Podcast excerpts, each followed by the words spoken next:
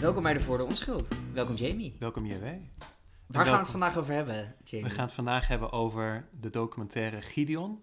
Oké. Over, ja, je zou denken die gaat over Gideon van Meijeren. Ehm, het gaat vooral over eh, COVID en over de COVID-lockdown, over de vaccinaties en eigenlijk over een heleboel andere dingen die erbij worden gehaald. ja.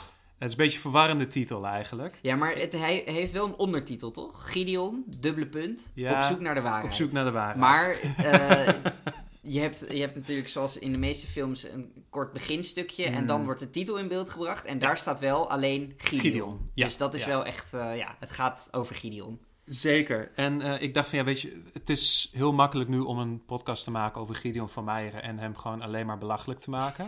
Daar leent hij zich ook wel een beetje voor. Ja, dus dat gaan we nu uit de weg, want we willen eigenlijk ook wel de documentaire zelf toch in een soort van objectief licht kunnen plaatsen. ja. Ehm, dus ik begin maar meteen eventjes met wat bijnamen die ik heb bedacht tijdens het kijken van de film over Gideon van Meijeren. Het is dan trouwens, hebben we dat gewoon even hebben we dat gehad. Het is trouwens een erg saaie film. Ik geef niet te veel weg als ik dat zeg. Ja, Dus ik had heel veel tijd om na te denken Oké. over bijnamen.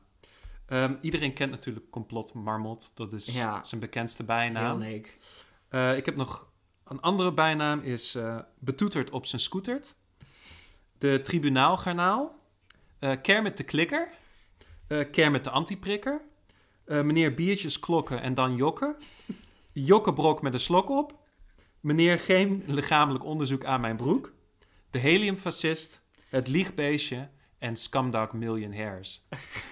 Oké, nou, goed dat we dit achter Dit hebben we in ieder geval... Dan kunnen we nu de docu Zeker, zeker, zeker. Even full disclosure, Jamie, jij hebt hem helemaal gezien. Ja, Eh, ik heb hem niet helemaal gezien. Nee, ik heb de eerste eh, 10 minuten, kwartier of zo heb ik gekeken. En daarna heb ik wel nog een aantal fragmenten gezien, dus zeg maar doorheen geklikt. ja. Maar ik kon me er zelf niet toe zetten om anderhalf uur lang... Het is heel lastig documentaire om... Ja. Ja, ja.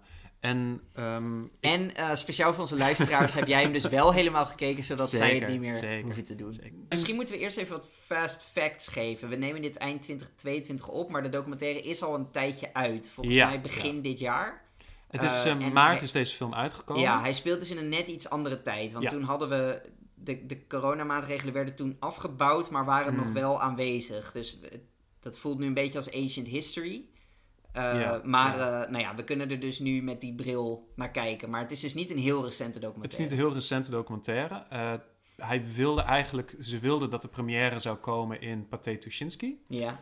Dat is niet gebeurd vanwege controverse. Ah, dus Ehm. men wilde niet dat het volk deze film zag. Hij werd gecensureerd, zou je dat, kunnen dat zeggen? zegt Gideon. Hij is heel makkelijk te kijken overigens op, eh, op de website van, eh, van de producent. Ja. Dus als je hem thuis wil kijken, ik kan het niet aanraden, maar hij is vrij makkelijk Hij staat ook gewoon op YouTube. Het is wel grappig, hè? Want eh, de vorige keer dat een politicus een controversiële docu uitbracht, was Fitna. Weet Ja, je nog in, ja. in welk jaar dat was? Eh, 2008 of zo? Oeh, netjes, Ja? 2008.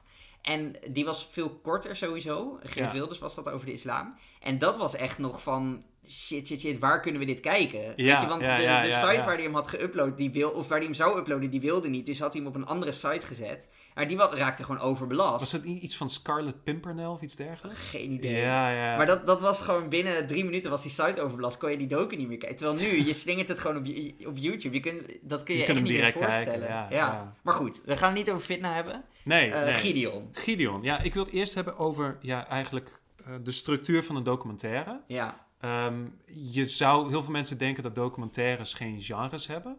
Mhm. Eh, of dat dat documentaire... documentaire een genre is. Ja, en dat het eigenlijk alomvattend is. Je hebt nog wel degelijk, document, nog wel degelijk genres erin. En dit zou dan een beetje een expository documentaire zijn. Dus je brengt iets aan het licht. Ja. Je exposeert iets, bij Ja. wijze van spreken. Expositor, ja. Zeker. En ehm, ja, niet heel lang geleden kwam er een documentaire uit op Netflix. Mhm. En die heette Pepsi Where's My Jet? En dat is wel een goed voorbeeld van dit type documentaire. Je hebt namelijk, je hebt een held. Dat is in dit geval iemand die het opneemt tegen de schurk Pepsi. Ja. En dus eigenlijk via een rechtszaak een straaljager wil, wil afdwingen. Ah ja. Dus dat is een beetje van, je kunt alsnog wel formules terugvinden in, in een beetje een betere documentaire. Ja. En dat doet in zekere zin deze documentaire, Gideon doet dat ook wel redelijk goed. Ja. Want je hebt een duidelijke held. Ehm, het is heel duidelijk dat, dat Gideon van Meijeren de held moet voorstellen. Ja, en zo hij wordt wordt hij... ook heel centraal gezet. Hè? Wat we net ook al zeiden, de Heel, documentaire is ja. naar hem genoemd. En hij is ook veel in beeld en, en veel te horen Ja. ook. Zeker, Ja. zeker. En ehm, hij wordt ook een beetje opgebouwd, want ze hebben het over van ja, ehm, hij, hij is zeg maar eh, de man van het volk en hij, hij zegt de dingen die, die andere mensen niet, niet eh, durven te zeggen of die niet mogen zeggen. En Ja, en hij heeft ook echt een soort zich- van roeping, hè? Dus Ja. hij, want er zit ook een stukje in waarin hij zegt van, ja, ik wilde dit eigenlijk niet doen. Ik wilde niet de politiek ingaan. ja, maar ja, ik klopt, zag gewoon zulke, zulke heftige dingen gebeuren dat ik wel moest. En dit werkt bijna, zeg maar. Het enige probleem is dat, dat meteen al aan het begin eh, zie je een klein stukje met de Tweede Kamervoorzitter. En eh, die zegt tegen hem van, ja, meneer Van Meijeren, wilt u alstublieft geen, eh, niet de verwijzing maken naar de Tweede Wereldoorlog? Want dat is een beetje, be- dat, is, dat kan beledigend zijn. En dat gebruikt hij in de documentaire, wordt dat gebruikt zeg maar als een manier om aan te tonen dat hem de mond wordt gesnoerd. Maar dat, het probleem daarvan is dan, dat voelt gewoon alsof dat hij veel minder redelijk is dan ja, die ja, voorzitter. Ja. Dus dat gaat meteen al verkeerd. nou ja, Ehm, maar voor de doelgroep van deze documentaire voelt dat denk ik niet zo. nee, voor, nee. Ja, voor ons misschien wel, maar... Hij, hij praat ook, eh, hij is ook de narrator van de film. Hij is Mhm. ook de vertelstem. En dat is wel echt een probleem. Eh Gideon van Meijeren staat er sowieso onbekend dat hij een vrij irritante stem heeft.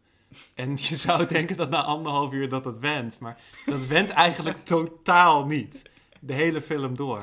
Ja. Het is, dat is echt een slechte keus geweest. En je had eigenlijk had je beter iemand anders als verteller kunnen, kunnen hebben gebruikt. Ja, oké. Want hij... Ja, Ja. Ik, ik wil hem niet persoonlijk aanvallen. Hij kan, Ja. er, hij kan er ook niks aan doen dat hij... Ja, hij heeft niet de mooiste stem inderdaad. Maar goed, oké. het is wat het is. Maar als keuze voor een, voor een narrator... Ja, hadden ze het- misschien is wel het- anders kunnen, kunnen Dus het is een duidelijk idee van, oké, wie is Ik neem wie ook is met de- jou deze podcast op. om- omdat je zo'n mooie stem hebt. Ik vind jou wel een prettige stem hebben. Eh, maar dan vervolgens is het wel de vraag van, oké, wie is nou de schurk? Ja, En die schurk, die je ziet eigenlijk aan het begin van de film, is dat iets duidelijker.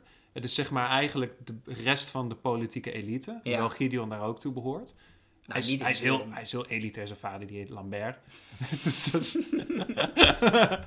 dat is ook krankzinnig elitair Ja. natuurlijk. Ehm, maar aan het begin is dat zeg maar de, de, politi, de politici die het niet met hem eens zijn.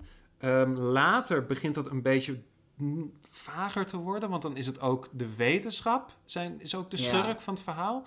En dan zijn de globalisten de schurk van het verhaal. En dan helemaal op het eind zijn het ook dan is het helemaal complotachtig. Dan is het ook de, de World Economic Forum Oh en, ja, en- Klaus Schwab. Ja, Ehm, en dat merk je eigenlijk ook van, van ja, de structuur van de film is daar ook op gebouwd, zeg maar. ja. Van je hebt eigenlijk heb je Van vier... steeds een, een grotere vijand, steeds Zeker, een heftigere ja, vijand ja. eh, uit de doeken doen. En naarmate het ook verder gaat, zeg maar, raakt de film ook een beetje eh, de controle kwijt over, ja, over, het, over het verhaal zelf, over het plot. Ja. Want je bent als kijker ben je ook volledig in de war van, van het gaat van het een springt het eigenlijk op het ander. Hey, je, je bent de structuur aan het bespreken, Ja. maar mag ik nog even iets zeggen over het, het absolute begin van de film? Want de, de film begint, Zeker, eh, zoals je je waarschijnlijk kunt herinneren, met een shot van, van Gideon van Meijeren die aan het strand staat en wat dingen zegt. Maar daarvoor zit ook al iets, zit namelijk een stukje tekst. Hmm, En eh, ik ga dat even eh, oplezen. Alle gastsprekers in deze documentaire spreken op persoonlijke titel. ja. Punt.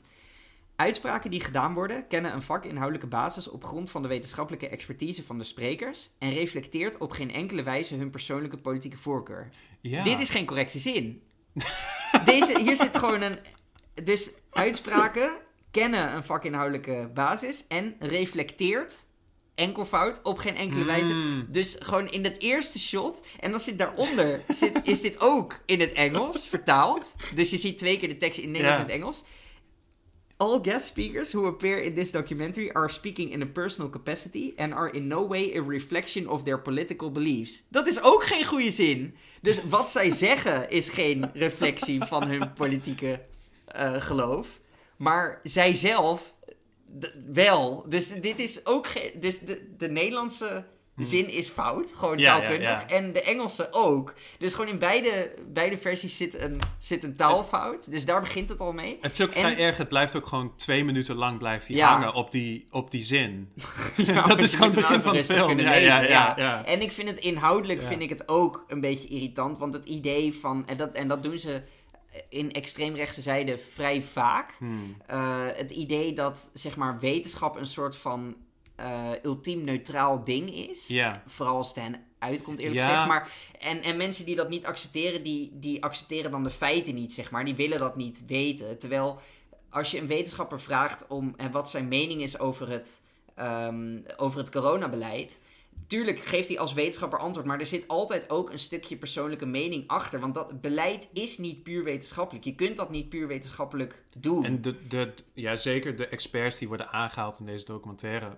Je merkt wel van, daar zit best wel wat, ja, eigenlijk politiek ja, gewring nee, in. tuurlijk. Dat kan ook niet anders. Ja, en je, je En merkt ook, het- je, je weet ook van, hij heeft best wel lang moeten zoeken om deze tegendraadse experts Dat is eigenlijk wel leuk, want ik wil het hebben over het eerste stuk van de film, is eigenlijk het langste stuk van de film. Mhm. En dat gaat echt puur en alleen maar over corona. En dat gaat met name over vaccinaties. Ja, Het is op zich opmerkelijk, hij, hij ontkent niet het gevaar van COVID. ja. Dat verbaast me wel een beetje.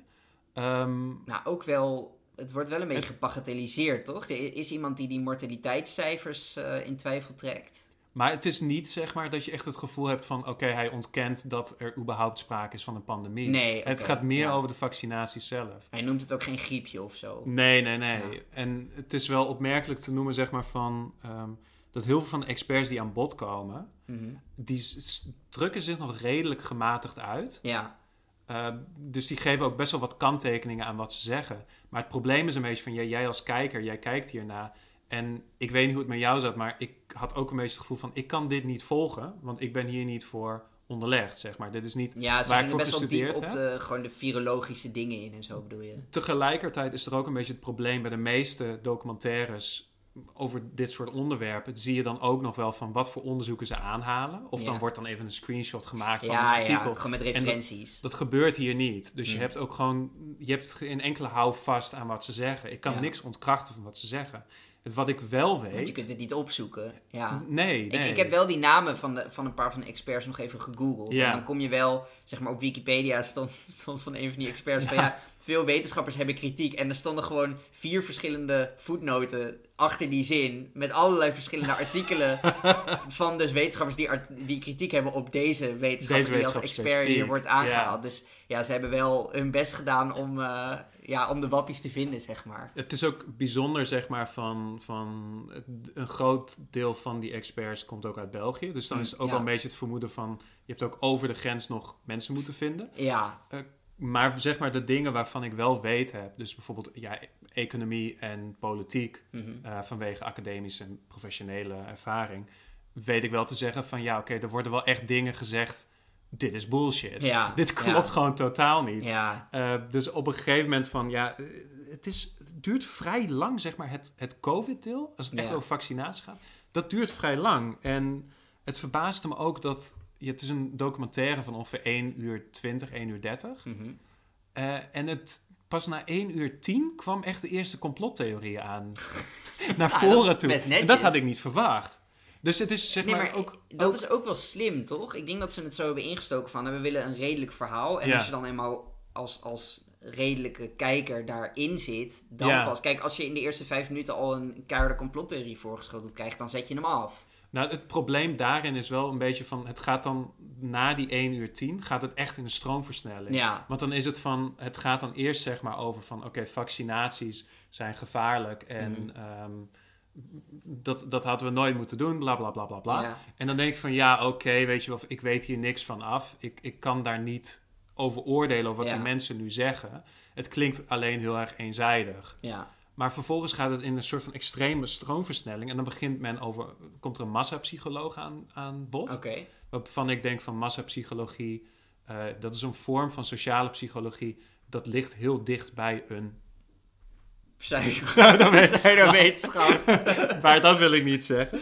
Nee. Ehm, We moeten dingen minder vaak pseudowetenschap Ja, doen, Jamie. Want sorry. Ik, ik was laatst op een feestje waar ik het woord pseudowetenschap gebruikte. En ik had denk ik in een andere situatie, als ik niet net met jou drie Ja. afleveringen over pseudowetenschap had opgenomen, had ik denk ik dat anders verwoord. Had ik gewoon gezegd van, nou, dit, dit klinkt niet heel waarschijnlijk. Maar doordat ik dat woord gebruikte, mensen kijken je gewoon meteen aan van, je weet, hou je bek, we haten ja, ja, ja. Dus, Maar goed, oké. Maar dat, dat volgens gaat, naar de, gaat naar de massapsycholoog.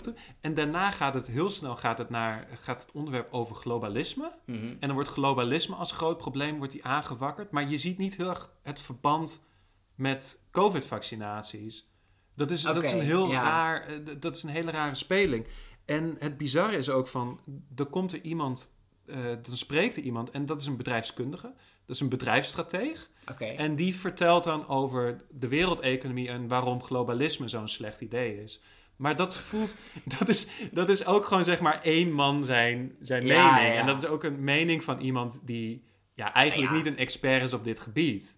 Dit is gewoon iemand Nee, die, heeft, die heeft gewoon een bepaalde die een voorkeur. mening heeft die past bij de documentaire. Ja, of Ja. die eigenlijk past zeg maar, bij de meeste van zijn opdrachtgevers Ja. als businessstratege. En daarna is het ook best wel grappig van, want dan gaat het over, dan komen echt de, eh, eh, dan wordt het, komt het politieke deel en dan gaat het echt ook meer over de complottheorieën. Ja. Maar dan komt er weer een bedrijfskundige, een bedrijfskundige langs. En die maakt vervolgens hele bijzondere eh, uitspraken, doet hij. Want hij zegt, ehm, hij zegt dat, dat een van de grote problemen dat, waar we nu mee kampen, is dat alles wordt nu top-down geregeerd vanuit Brussel. Ja. En wat, waar we naartoe moeten is decentralisatie en directe democratie. Oké. En als politicoloog kan ik je vertellen dat wat die man zegt, dat rammelt aan alle kanten. dat rammelt echt aan alle kanten. Hoezo? Ehm, Brussel, dat is. Daar kun je, kant, eh, je kunt kanttekeningen plaatsen van. Is er daadwerkelijk sprake van meer centralisering door Brussel? Mhm. Ehm, heel bekend is natuurlijk dat Schotland. Die is onderdeel van het Verenigd Koninkrijk. Die is er heel zuur over dat er nu een brexit is. Want Schotland kreeg juist onder de EU meer erkenning, meer Ah, toekenning. Je hebt Dus, dus Brussel is wel een centrale eh, macht, maar zorgt er wel voor dat lokale gebieden wel Je hun ziet- eigen autonomie behouden, bedoel je? Je ziet in heel veel landen die, die heel erg into Brussels zijn, Nederland ook, zie je eigenlijk heel veel decentralisering Hmm. gebeuren. Ja. En eh, directe democratie leidt ook niet per se tot decentralisering. Sterker nog, in, in best wel veel Zwitserse kantons heb je dus dat er heel veel sprake is van directe democratie. Dus mensen die krijgen allemaal verschillende referendums, krijgen ze. Mogen ze op, op stemmen. Ze stemmen altijd nee. Ze zeggen van nee, niet meer belastingen, niet Ja. meer dit, niet meer dat. Ja, want- En volgens zie je dat top-down, zie je dus dat, de, dat de, de Zwitserse regering dus eigenlijk meer macht naar zich toe grijpt. Of Om nog juist- wel iets voor elkaar te kunnen krijgen. Precies. Ja, ja. Dus, dus eh, Want dat, als je denkt van, goh, Nederlanders zijn toch wel conservatief af en toe, dan moet je eens naar Zwitserland gaan. Want inderdaad, dan merk je dat directe democratie er gewoon voor zorgt dat mensen racistisch en conservatief stemmen. Dat dat echt niet de progressieve revolutie is of zo. Zeker. Het is, het is een best Wel- een bizarre. eh, eh, het is best wel bizar als je zeg maar, je hebt het over politiek. Ja. En zeg maar de expert die je dan aanhaalt tussen haakjes, dat is gewoon een Ja, bedrijfskundige, bedrijfskundige. die, die ook nog, eh bedrijfskundige aan Nijrode ook nog. Oké, Ehm, ja, ja. het- ik vond het echt, echt heel bijzonder. Ja, Ehm, ook wel leuk trouwens om te zeggen dat een van die experts, die heeft het niet over dansen met Jansen, maar die zegt chansen met Jansen.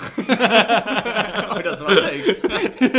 dat is een hele leuke verspreking. Ja, maar dat is ook niet opgepikt door de editors. Dus dat staat nog lekker in de documentaire. Het, het is een... Ja, het- Nee, die waren te druk met spelfouten in de begintekst eh, eruit halen natuurlijk. dus overal kan ik... Ja, ik kan de documentaire gewoon niet aanraden. Want Mhm. zeg maar, het... Goed, het... Hetgeen wat je het gewoon het meest moet aanrekenen... en ik denk dat jij hetzelfde hebt gehad... is dat het gewoon over het algemeen... is het gewoon ontzettend saaie documentaire. Dat is het allergrootste Nou. probleem alsnog. Van, de structuur ervan is op zich oké. Cinematografisch ziet het er best mooi uit. Ja. Het is echt goed gefilmd. Ja, ja, met die shots aan het strand en zo. En, Zeker, eh, zeker. Er zitten wel veel shots in, had ik het idee. Die, kijk, Gideon van Meijer is volgens mij niet echt lang. Hij is, ja, Eh, Gideon, Klopt, Gideon ja, als je luistert, ja. ik, ik begrijp jou, eh, ik, ik begrijp jou gewoon. Eh, maar in die shots is heel erg geprobeerd om hem wel lang te laten lijken. Ja. Dus de camera is heel laag en zo. Dus dat, En terwijl, met- dan denk ik ook van waarom? Kom gewoon uit voor dat je niet groot bent. Niemand vindt dat volgens mij echt erg. met maar, name als het met zijn vriendin is. Want op een Ja. gegeven moment dan proberen ze meer te humaniseren. Want ik Ja. denk dat ze, dat ze ook halverwege de, ja, tijdens het productieproces dachten van... Hij komt een beetje over als, ja, als Gideon van Meijeren. stijf. Ja.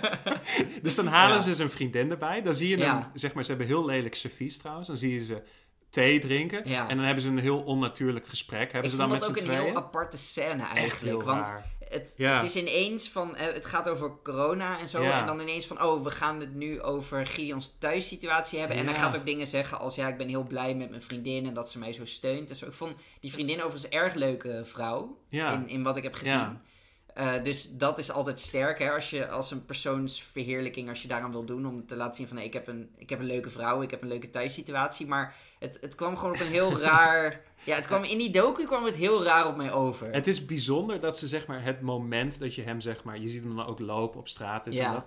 En je, hebt al eerder dus bepaalde shots die echt vanuit de heup worden geschoten naar boven toe. Ja. Om hem langer te laten blijven. Ook van achter trouwens, hè? Maar- Echt van die shots die gewoon, dat je denkt van, kont ja, je, je bent gewoon nu Ja, zijn kont aan, het, aan het inzoomen op zijn kont. Maar goed, ja. Maar bij zijn vriendin, dan, dan gaat het in één keer slaat het over gewoon bijna naar trucage. Want dan is het gewoon van, dan wordt iedere onmogelijke hoek wordt gebruikt. Die cameraman die zit gewoon echt op de grond.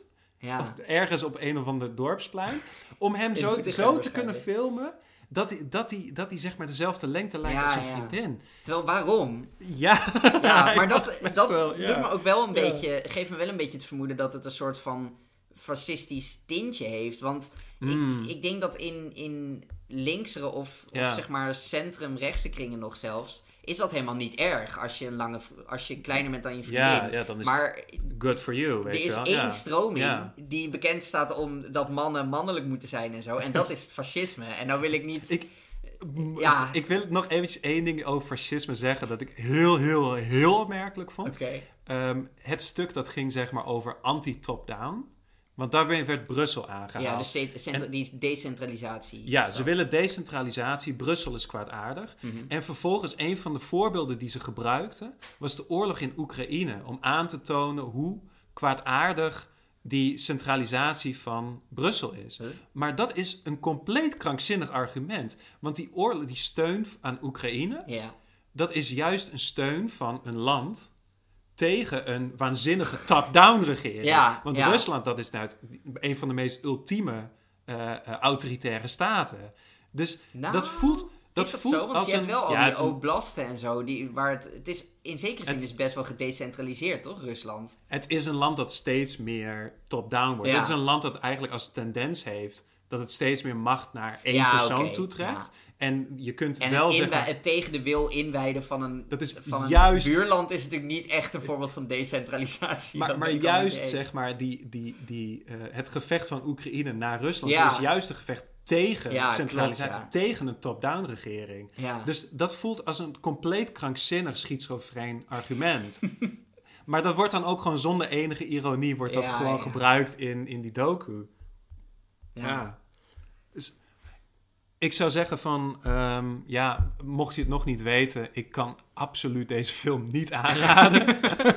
Ik had ook niet echt hoge verwachtingen, want nee, nee. voor mij kwamen toch een beetje mijn drie grootste, de dingen waar ik de grootste hekel aan heb, die komen samen. Namelijk Guido an- van Meijden. antivaxers. nee, nee, nee, nee, ik ga het niet Ja. op de man spelen. nee, nee, nee. Nee, antivaxers, Ja, eh, sluimerend nazisme en eh, Mm. documentaires. ja. Dus ja, ik, ik dacht al, ik ga dit niet echt eh, top vinden. En ik had ook na 10 minuten dacht ik, oh, ik kan echt niet verder kijken dan dit. Bijzonder is trouwens wel van dat in de hele docu op geen enkel moment komt Thierry Baudet langs. Oh, echt? Hij staat ook niet in de, hij staat ook niet in de, in de filmnotes. Oh, Hij wordt ook nergens bedankt. Het enige die nog heel eventjes langskomt is Pepijn, is Pepijn, Pijn van Houwelingen. Ehm, die komt ook niet in een heel goed... Ja, die, die komt ook niet Ja. super goed uit de Ja. verf. Maar het is bijzonder dat het dus zeg maar wel een beetje echt zo'n soort van... Ja, een beetje een Einzelganger-achtige film is geweest. Nou ja, zeker omdat nu is er een beetje sprake van dat Thierry Baudet misschien wat jaloezie heeft richting Gideon. Hmm, Omdat Gideon populairder aan het worden is dan Thierry. ja, Dus die krijgt hardere applausen en meer volgers en zo. dat is een beetje een probleem van als je twee narcisten in een partij Ja, hebt. ja, ja, nee, dat, kan echt een heel groot probleem worden. In. Of ja, voor ons misschien niet echt een probleem, maar meer een soort van hoopvol iets. Maar goed. Gewoon een amusementswaarde Ja, gaat gewoon omhoog. Ja, ja. Ja. Ehm, tot zover, denk ik. Heb je limericks? Ik heb een Want limerick. ik heb, eh, Zeker. ik heb geen limerick geschreven, maar ik had nog een oude limerick die ik uit, eh, van de plank heb getrokken. Die ik al had geschreven over Gideon van Meijden. Ah, leuk, ja. Eh, begin jij? Is goed. Ik wil niet al te complotterig zijn, maar we leven in politieke schijn. De BMW van Lissen, dat zijn hagedissen. De tribunalen, de tribunalen komen later, al dus Pepijn. Ah, toch nog even Pepijn ook. Toch even in onze halen. podcast ook een cameo gemaakt. Zeker, zeker. Ja, ik had, ehm, ik had, zegt een dame uit Beieren. Nee, sorry. ik was, zegt een dame uit Beieren, het oneens met Gideon van Meijeren.